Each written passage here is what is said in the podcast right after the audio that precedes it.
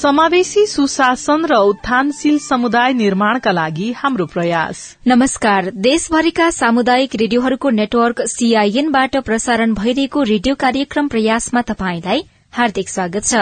यो कार्यक्रम W W W dot CIN खबर डट कम सीआईएनएफ र फेसबुक पेज सीआईएन खबर साथै सुर्खेत र धनुषाका विभिन्न सामुदायिक रेडियोसँगै देशैभरका तीन सय भन्दा बढ़ी सामुदायिक रेडियोबाट सुन्दै हुनुहुन्छ।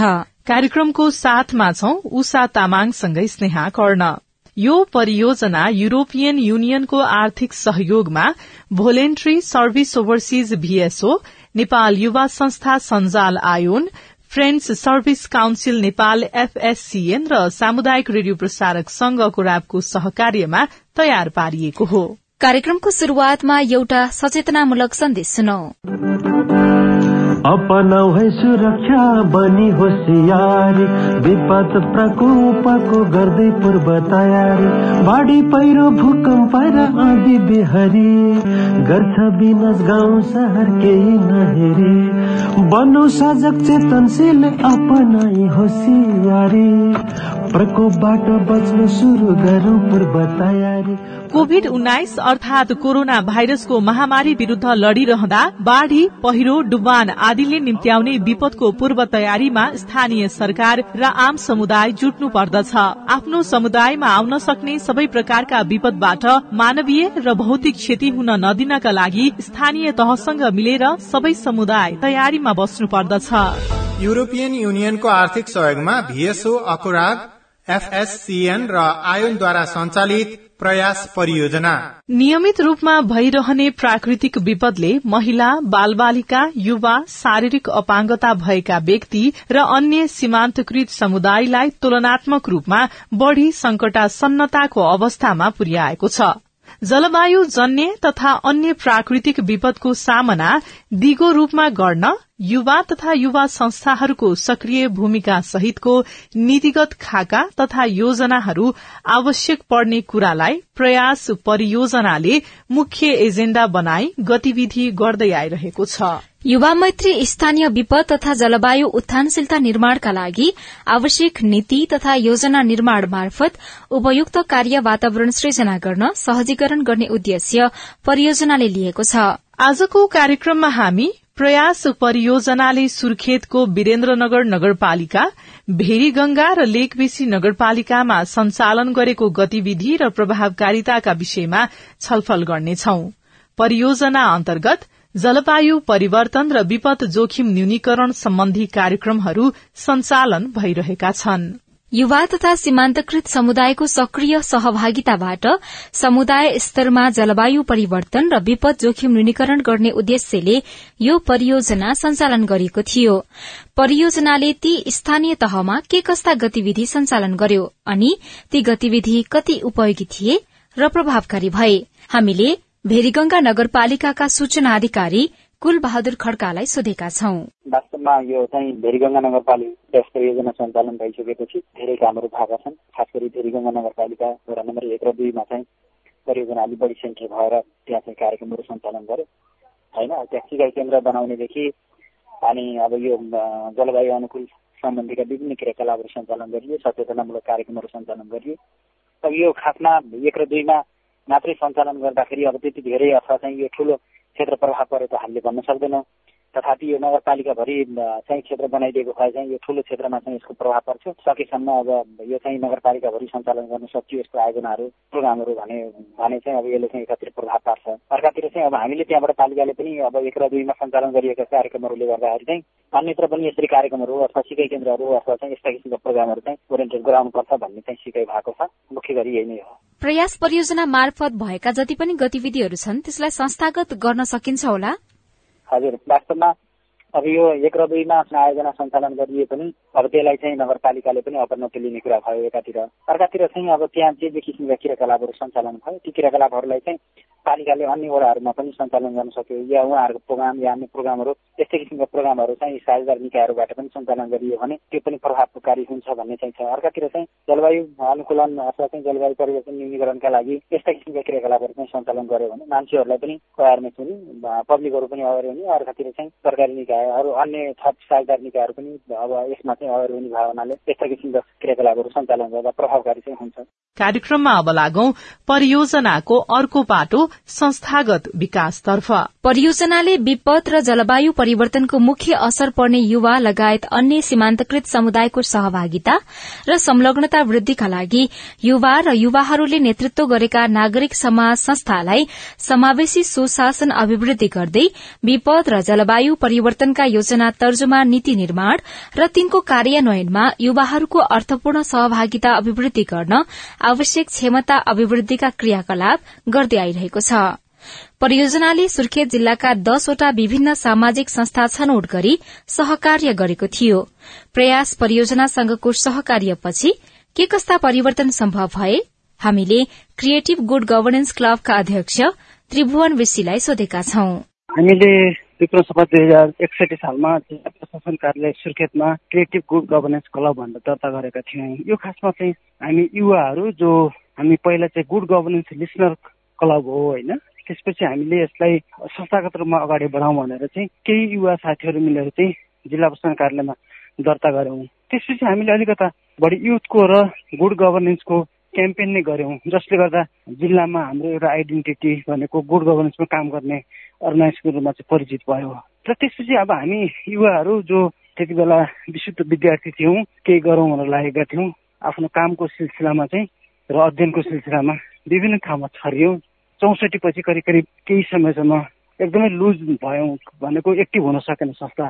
त्यसपछि फेरि हामी केही साथीहरू चाहिँ होइन हामीले गरेको संस्थाको राम्रो क्रेडिट भइरहेको छ। अब यसलाई फेरि पुनर्जन्म गर्नुपर्छ भनेर हामीले फेरि यसलाई चाहिँ रिफर्म गरेर काम गर्न सुरु गऱ्यौँ। हामीले काम गर्न सुरु गर्दा बित्तिकै लगतै हामीसँग प्रयास जोडियो र प्रयास आउनु भनेको हाम्रो संस्थाको लागि पुनर्जन्मको लागि थप बल प्रदान गर्ने अथवा थप सहयोग गर्ने एउटा माध्यम बन्यो जसको कारणले गर्दा हामीले संस्थालाई एउटा सक्षम संस्थाको सुशासन संस्थाको समावेशीकरणको लागि हामीले थुप्रै काम गऱ्यौँ र साँच्चै भन्नुपर्दा प्रयास नजोडिएको भए हामीसँग जुन रूपमा अहिले संस्थाको आइडेन्टिटी तीव्र गतिमा बनिरहेको छ त्यो बन्ने थिएन होला जस्तो लाग्छ। अध्यक्ष जस्तो प्रयास परियोजनासँग एक त तपाईँले आफ्नो पृष्ठभूमि सहित पनि बताइदिनु भयो त्यसको लागि तपाईँलाई धेरै धन्यवाद। प्रयास परियोजनासँग पहिलो पटक जोडिँदै गर्दाखेरि अथवा प्रयास परियोजनाले तपाईँहरूसँग सहकार्य गर्ने भन्दै गर्दाखेरि चाहिँ कस्तो खालको अपेक्षाहरू थियो र ती अपेक्षाहरू बिस्तारै परियोजना अवधिमा पूरा भए कि भएनन्?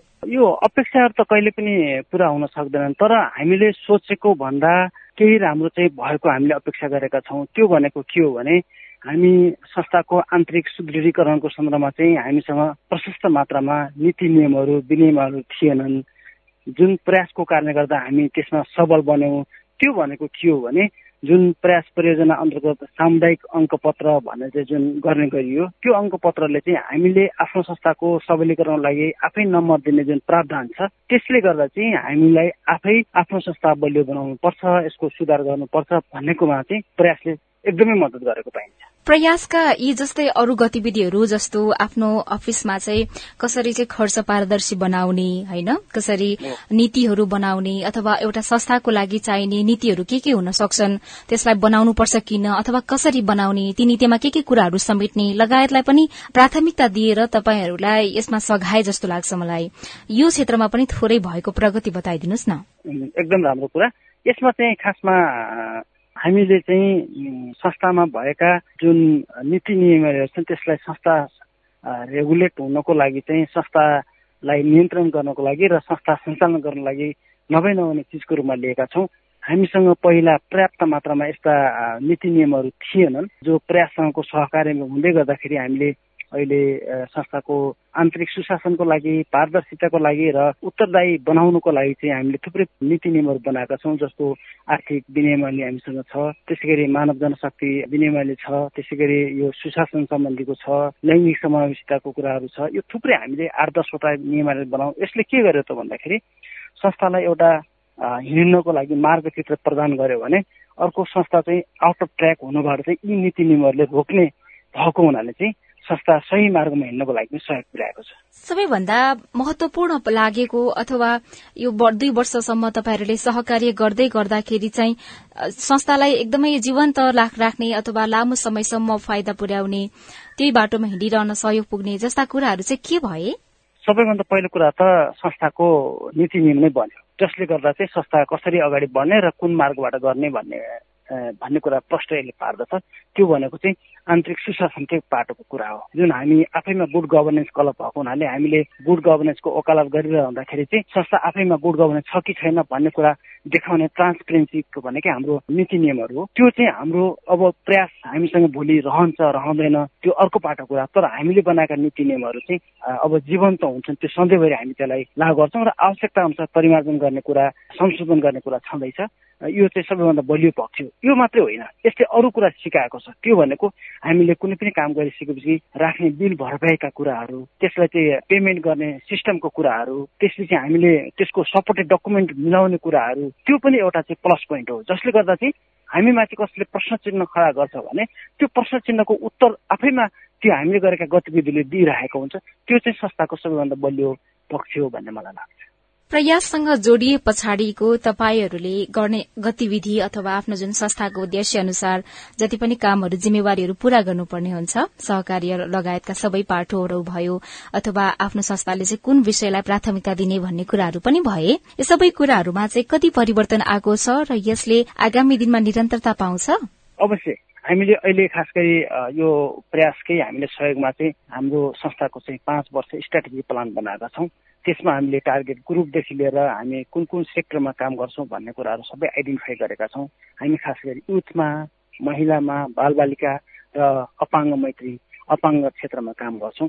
भने अब हामीले चाहिँ त्यसै गरी यसको कार्यक्षेत्रहरू जुन हामी युवाको सन्दर्भमा कृषिमा स्वास्थ्यमा शिक्षामा महिलामा यसरी हामीले कार्यक्षेत्रमा विभाजन गरेका छौँ।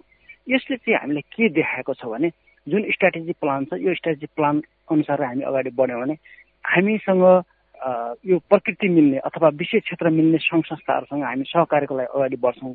अहिले पनि जिल्लामा हामी थुप्रै नेटवर्कमा चाहिँ आबद्ध भएका छौँ। त्यसै गरी चाहिँ हामीसँग मिल्ने सङ्घ संस्थाको एलायन्सहरूमा बैठकमा हामी जान्छौँ। हामी त्यहाँ हाम्रा कुराहरू राख्छौँ अर्को कुराहरू सुन्छौँ। यसले हामीलाई चाहिँ के चाहिँ सहयोग प्रदान गरेको छ भने अब संस्थाको एउटा आइडेन्टिटी बनिसकेको छ।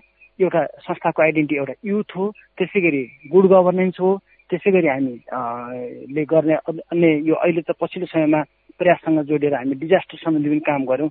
त्यसमा पनि हामीलाई थप हामी एक्सपिरियन्स भएको छ। त्यो पनि अब हामी डिजास्टर सम्बन्धीका नेटवर्कमा पनि हामी आबद्ध भइरहेका छौँ।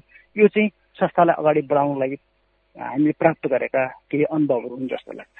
तपाईँहरूले आगामी दिनमा पनि यी अनुभवहरूलाई संस्थागत गर्दै सधैँभरि कार्यान्वयन गर्दै जानुहोला। हाम्रो शुभकामना पनि रहेको छ। कुराकानीको लागि धेरै धन्यवाद। हस् समय दिनुभयो र संस्थाको बारेमा प्रयाससँग जोडिसकेपछि हामीले प्राप्त गरेका अनुभव र संस्थाको सबलीकरणको लागि प्राप्त गरेका हामीले जति पनि डकुमेन्टहरू छन् त्यसका बारेमा बोल्ने समय दिनुभयो। यहाँलाई पनि धेरै धेरै धन्यवाद। उहाँ हुनुहुन्थ्यो क्रिएटिभ गुड गभर्नेन्स क्लबका अध्यक्ष त्रिभुवन बेसी प्रयास परियोजनासँगको सहकार्य गर्दाको अनुभव सुनाउँदै हुनुहुन्थ्यो। तपाई सामुदायिक सूचना नेटवर्क सीआईएन धनुषा र सुर्खेत जिल्लाका सामुदायिक रेडियो सहित देशैभरका तीन सय भन्दा बढ़ी सामुदायिक रेडियोबाट प्रसारण भइरहेको कार्यक्रम प्रयास सुन्दै हुनुहुन्छ। यो कार्यक्रम युरोपियन युनियनको आर्थिक सहयोगमा voluntary service overseas VSO Nepal युवा संस्था सञ्जाल AYON friend service council Nepal FSCN र सामुदायिक रेडियो प्रसारक संघ अकुराबको सहकार्यमा तयार पारिएको हो। कार्यक्रममा अब केही सर्वसाधारण नागरिकको अनुभव सुनौ। परियोजनाको विभिन्न गतिविधिमा सहभागी हुनुभएका केही नागरिकलाई हामीले प्रयास परियोजनासँगको अनुभव कस्तो रह्यो भनी सोधेका छौं। म मिना चाहिँ घर चाहिँ मेरो भेजी गंगा एघार रामघाट। खास गरेर चाहिँ हामी प्रयास परियोजनासँग चाहिँ सुरुको चरणमा चाहिँ जुन प्रयास परियोजना आयोनले अब चलाएको थियो त्यसमा आयोनमा चाहिँ म पहिला चाहिँ त्यो च्याम्पियनको भूमिकामा चाहिँ यो निर्वाचन सम्बन्धी विभिन्न कार्यक्रमहरू सञ्चालन गर्थे भनेपछि प्रयासमा चाहिँ जुन आयोले चाहिँ यो सबग्राम प्रयास परियोजनाले चाहिँ सबग्रामका कुराहरू निकाल्यो होइन निकालिसकेपछि मेरो पनि आफ्नो संस्था थियो जुनमा चाहिँ अहिले हामी महिला शिक्षा तथा आर्थिक विकास समाज उर्स भनेर भन्छौँ। उसमा चाहिँ सबग्रान्टको कुरा खुलाइसकेपछि हामीले त्यसमा प्रयास र उससँग चाहिँ यो सबग्रान्टको कुराहरूमा आबद्ध गर्नलाई चाहिँ त्यहाँ जोडिदियो। त्यहाँ जोडिसकेपछि सबग्रान्टमा प्रपोजल हालिसकेपछि हामीले सुर्खेतका केही संस्थाहरूले चाहिँ त्यहाँ परियोजना पाउन सफल हुनुभयो भने चाहिँ केही केही संस्थाहरू चाहिँ पछिल्लो चरणमा चाहिँ आबद्ध हुने प्रक्रियामा उहाँहरू लागिरहनु भएको छ।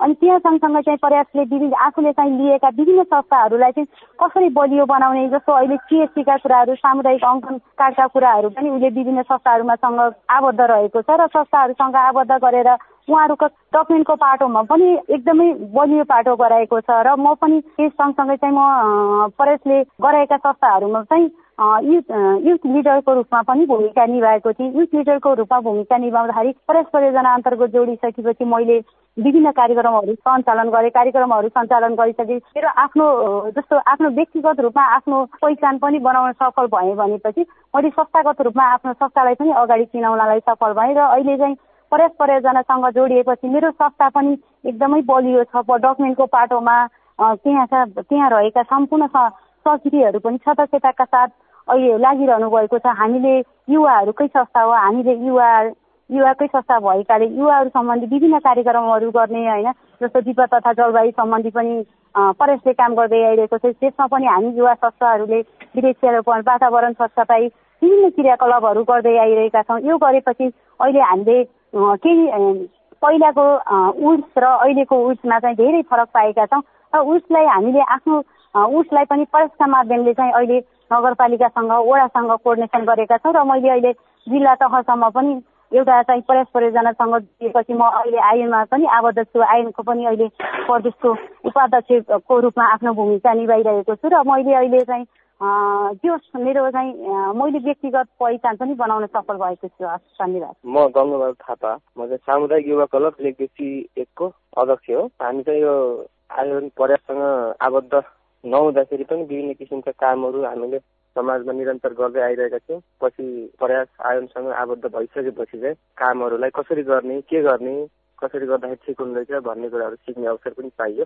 क्लबको विभिन्न कुराहरू कमी कमजोरीहरूलाई पनि सुधार्ने मौका पाइयो जस्तै अब हामीले आफ्नो रणनीति योजनाहरू नबनाइकन आर्थिक प्रशासनिक नियमावलीहरू नबनाइकन अनि आफ्नो माइनेटहरू नउठाइकन विभिन्न किसिमको कामहरू गरे तापनि त्यो अभिलेख राख्ने हाम्रो परम्परा चाहिँ थिएन। अहिले चाहिँ आयोजन प्रयाससँग जोडिँदाखेरि कामहरूलाई कसरी सम्पन्न गर्नुपर्ने रहेछ भन्ने कुरा चाहिँ थाहा भएको हुनाले अहिले एकदम हामी चाहिँ कामहरूलाई कसरी प्रभावकारी गर्ने भनेर सिकिसक्यौँ भनौँ आफ्नो आर्थिक प्रशासनिक नियमावलीहरू पनि बनाइसकेका छौँ। अब आगामी दिनदेखि हामीले चाहिँ कामहरूलाई कसरी गर्ने भन्ने कुरामा आयोजनले हामीलाई त्यस सम्बन्धी विभिन्न किसिमको जानकारीहरू दिएको छ। यसरी दिएका जानकारीहरूले तपाईँहरूलाई आगामी दिनमा काम गर्नलाई के कति सहज हुन्छ होला? सहज त पक्कै पनि हुन्छ। पहिला अब हामीले गरेको अभिलेखहरू नराख्दाखेरि तैँले गरिस् अथवा गरिनस् तेरो क्लबले गर्यो अथवा गरेन भन्ने किसिमका प्रश्नहरू पनि बुझ्थे अब अहिले आएर चाहिँ अब हामीले माइनेट उठाउनेदेखि लिएर अब फोटाहरू खिच्ने अब सबै कुराहरू अभिलेख राख्ने भएको हुनाले हामीले चाहिँ यो काम गऱ्यौँ है भन्दाखेरि पनि त्यसमा प्रश्न उठाउने सकारात्मक सोच बनाउन सक्ने मान्छेहरू चाहिँ भएको हुनाले हामीलाई त्यसरी सहज भएको जस्तो लाग्छ मलाई। सर्वसाधारण नागरिकको अनुभवपछि अब कार्यक्रममा प्रयास परियोजना संयोजक रेखा ओलीसँगको कुरा सुनौ। उहाँलाई साथी भावना राणाले प्रयास परियोजनाले संचालन गरेको गतिविधि अनि उपलब्धिबारे सोध्नु भएको छ। युरोपियन युनियनको आर्थिक सहयोगमा भेसो नेपालको प्राविधिक सहयोग भनौँ या लिडमा चाहिँ आयो नेपाल या कोरिया सर्भिस काउन्सिल नेपाल गरेर हामी चारवटा संस्था मिलेर चाहिँ समावेशी उत्थानशीलता र जवाबदेता प्रबन्धनका लागि युवा सञ्जाल सुदृढीकरण प्रयास परियोजना सञ्चालन गरिरहेका छौँ सुर्खेतमा। खास गरी यो परियोजना जनकपुर र सुर्खेतमा सञ्चालन भए तापनि हामीले काम गर्ने सुर्खेतमा गरिरहेका छौँ। अहिले म आयन तर्फबाट कुरा गर्दैछु। सुर्खेत जिल्लाको तीनवटा पालिकामा काम गर्छौँ हामी। वीरेन्द्रनगर नगरपालिका भेरीगङ्गा नगरपालिका र लेकदेशी नगरपालिकामा। सबैभन्दा पहिला त हामीले यो खास गरी युवाले नेतृत्वमा गरेका नागरिक समाज संस्थाहरूको सुदृढीकरण गर्नको लागि मेन उद्देश्य राखिकन सुरु भएको यो परियोजना। त्यो कारणले गर्दाखेरि पनि हामी तिनवटा पालिकामा युवाले नेतृत्व गरेका नागरिक समाज संस्थाहरूको खोजी गऱ्यौँ। जसमा चाहिँ हामीले धेरै संस्थाहरू पायौँ तर पनि त्यसबाट सेलेक्टेड गर्दा चाहिँ भेरीगङ्गामा दुईवटा संस्था लेखबेसीमा तिनवटा र वीरेन्द्रनगरमा पाँचवटा गरेर हामीले सुर्खेत जिल्लाका दसवटा संस्थाहरूसँग अहिले नियमित काम गरिरहेका छौँ। त्यो संस्था छनौट भइसकेपछि हामीले अलिकति पालिकामा जुन डिजास्टरका हिसाबले क्लाइमेट चेन्जका हिसाबले चाहिँ अलिकति भनरेबल भएको वार्डहरू कुन छ त भनेर पालिकासँग बसेर एउटा इन्सेप्सन मिटिङबाट छलफल गरी त्यहाँबाट हामीले वडाहरू सिलेक्सन गऱ्यौँ जसमा चाहिँ बेरीगङ्गाको एक नम्बर दुई नम्बर बेसीको आठ नम्बर र दस नम्बर र वीरेन्द्रनगरको नौ नम्बर र दस नम्बरमा गरेर हामीले यी वडाहरूलाई अलिकति धेरै फोकस गर्ने गरिकन चाहिँ काम गरिरहेका छौँ। वडाहरू छनौट गरिसकेपछि हामीले तिन युवाले नेतृत्व गरेका नागरिक समाज संस्थामा चाहिँ एक एकजना युथ लिडरहरू बनाउने खालको योजना सहित चाहिँ हामीले प्रत्येक संस्थामा एक एकजना युथ लिडर छनौट गऱ्यौँ। त्यो युथ लिडरहरू जो चाहिँ भोलि संस्थामा हामी नहुँदा पनि यो विषयमा डिजास्टर क्लाइमेट चेन्ज युथका विषयमा उहाँहरूको कुराहरू उठिराखोस् त्यो छलफलहरू आइराखोस् भन्ने उद्देश्यले त्यो युथ लिडरहरू सिलेक्सन गरिएको युथ लिडर खास गरी हामीले उहाँहरू पेड होइन भोलिन्टियर रूपमा काम गर्नुहुन्छ उहाँहरूले समुदायमा युथ आफ्नै संस्थामा र उहाँ आफूले जुन ठाउँमा हुनुहुन्छ त्यो ठाउँमा चाहिँ उहाँहरूले भोलिन्टियर रूपमा काम गरिराख्नु भएको हुन्छ। र अहिले उहाँहरूले हामीले छनौट गरिसकेपछि चाहिँ पाँच दिनको एउटा टट तालिम दियौँ। जिआरएससिसिए रिलेटेड पाँच दिनको टट तालिम दिइसकेपछि उहाँहरूको नलेज अभिवृद्धि गरिसकेपछि उहाँले समुदायमा गएर त्यसका सम्बन्ध त्यो सम्बन्धी कामहरू गर्ने त्यसपछि आफ्नै संस्थामा गएर त्यो सम्बन्धीको कामहरू गर्ने नियमित गर्नुभयो। र उहाँले त्यो तालिम लिइसकेपछि उहाँहरूकै नेतृत्वमा प्रत्येक संस्थाबाट टोटलमा दसवटा संस्थाहरू छ यो सिभिल सोसाइटी अर्गनाइजेसन त्यो संस्थाहरूको चाहिँ प्रत्येक संस्थाबाट सात सातजना प्रतिनिधि र हामीले सिलेक्टेड गरेका वार्डहरू जो अघि मैले भने जस्तै ती छवटा वार्डबाट चाहिँ दुई दुईजना प्रतिनिधि गरेर फेरि उहाँहरूलाई पनि राखेर हाम्रो युथ लिडरहरूको नेतृत्वमा चाहिँ फेरि जिआरआइसिसीको तिन दिनको ट्रेनिङ पनि सञ्चालन गर्यौँ जसले गर्दा संस्थामा अलिकति व्यापकता भयो यो विषयमा। त्यसले गर्दा भोलि काम गर्नलाई सहज हुने उहाँहरूले कुरा उठाउनलाई सहज हुने आफूले जानेका कुरा अरूलाई आफूबाट ट्रान्सफर गर्न सक्ने भन्ने उद्देश्यले त्यो तालिमहरू सञ्चालन गरेर उहाँले नियमित काम पनि गर्दै गरिराख्नु भएको छ। अब त्यसपछि चाहिँ हामीले हामी पालिकासँग पनि मिलेर काम गर्छौँ। खास गरी हामीले काम गर्ने तिनवटा तरिकाहरू छ एउटा समुदायसँग काम गर्छौँ एउटा पालिका लेभलमा काम गर्छौँ भने एउटा हाम्रो youth youth civil society organization यो तिनवटा क्षेत्रमा हामीले काम गर्ने भएको कारणले गर्दा पालिकासँग पनि विभिन्न थरीका कामहरू गऱ्यौँ जसमा अलिकति नगरमा आउने खालको कामहरू भनेको चाहिँ हामीले सामाजिक जवाबदेही र सम्बन्धीको प्रत्येक पालिकामा एक एक दिनको अभिमुखीकरण सञ्चालन गऱ्यौँ।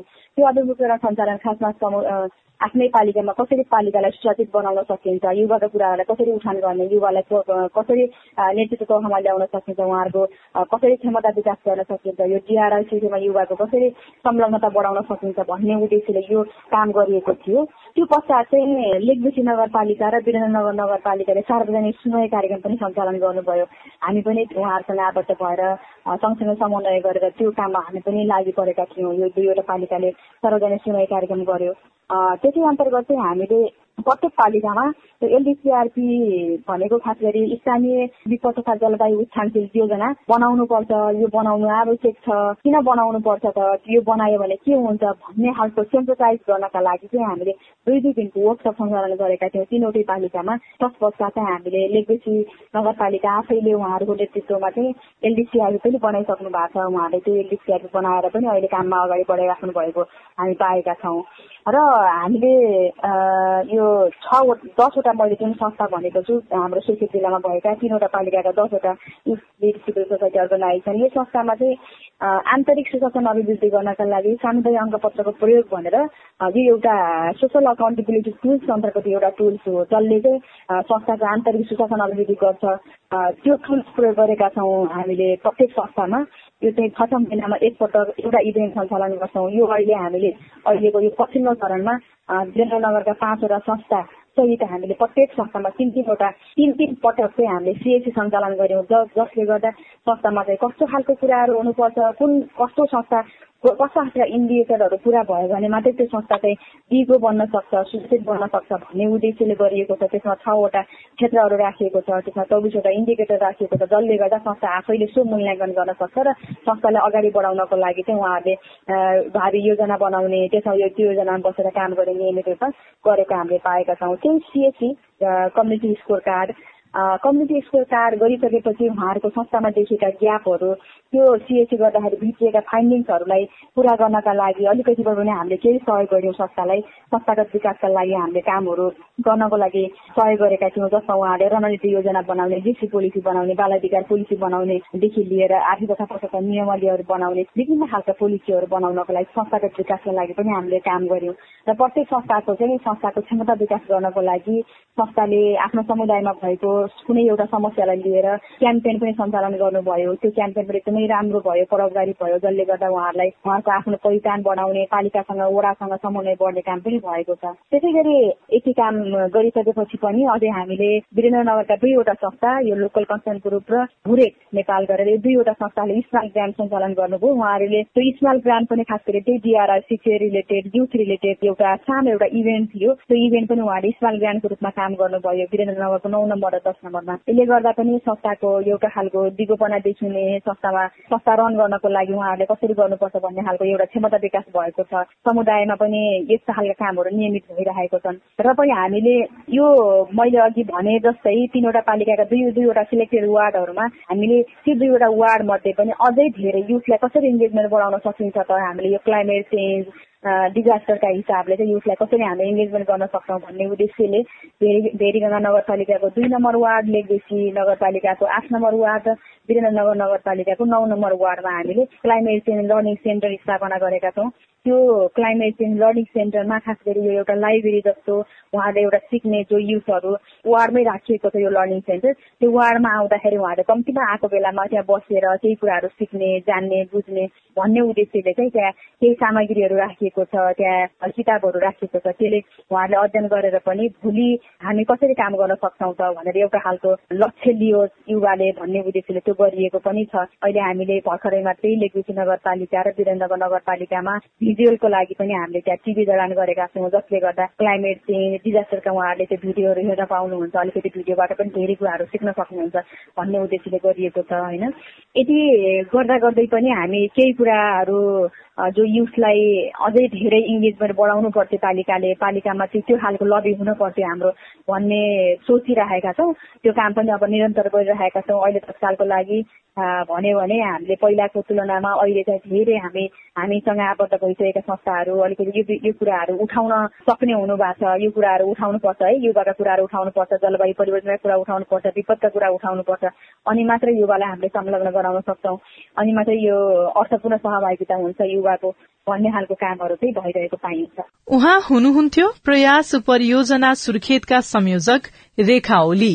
उहाँले हामीलाई परियोजनाले सुर्खेतमा सञ्चालन गरेको गतिविधि अनि उपलब्धिबारे जानकारी दिँदै हुनुहुन्थ्यो। यिनै जानकारी र छलफलसँगै हामी कार्यक्रम प्रयासको अन्त्यमा आइसकेका छौं। आजको कार्यक्रम तपाईंलाई कस्तो लाग्यो? तपाईंलाई पनि केही जान्न बुझ्न अथवा समस्या सुनाउन मन छ भने हामीलाई सम्पर्क गर्न सक्नुहुनेछ। केही प्रश्न प्रतिक्रिया र टिप्पणी छन् भने हाम्रो आइभीआर नम्बर शून्य एक बान्न साठी छ चार छमा फोन गरेर जुनसुकै बेला आवाज रेकर्ड गराउन सक्नुहुन्छ। वा तपाई हाम्रो फेसबुक पेज सीआईएन खबरमा पनि प्रतिक्रिया लेख्न सक्नुहुनेछ। हवस् त प्राविधिक साथी सुरेन्द्र सिंहलाई धन्यवाद दिँदै रेडियो कार्यक्रम प्रयासबाट म स्नेहा गर्न अनि म उषा तामाङ विदा हुन्छौ। नमस्कार, नमस्कार।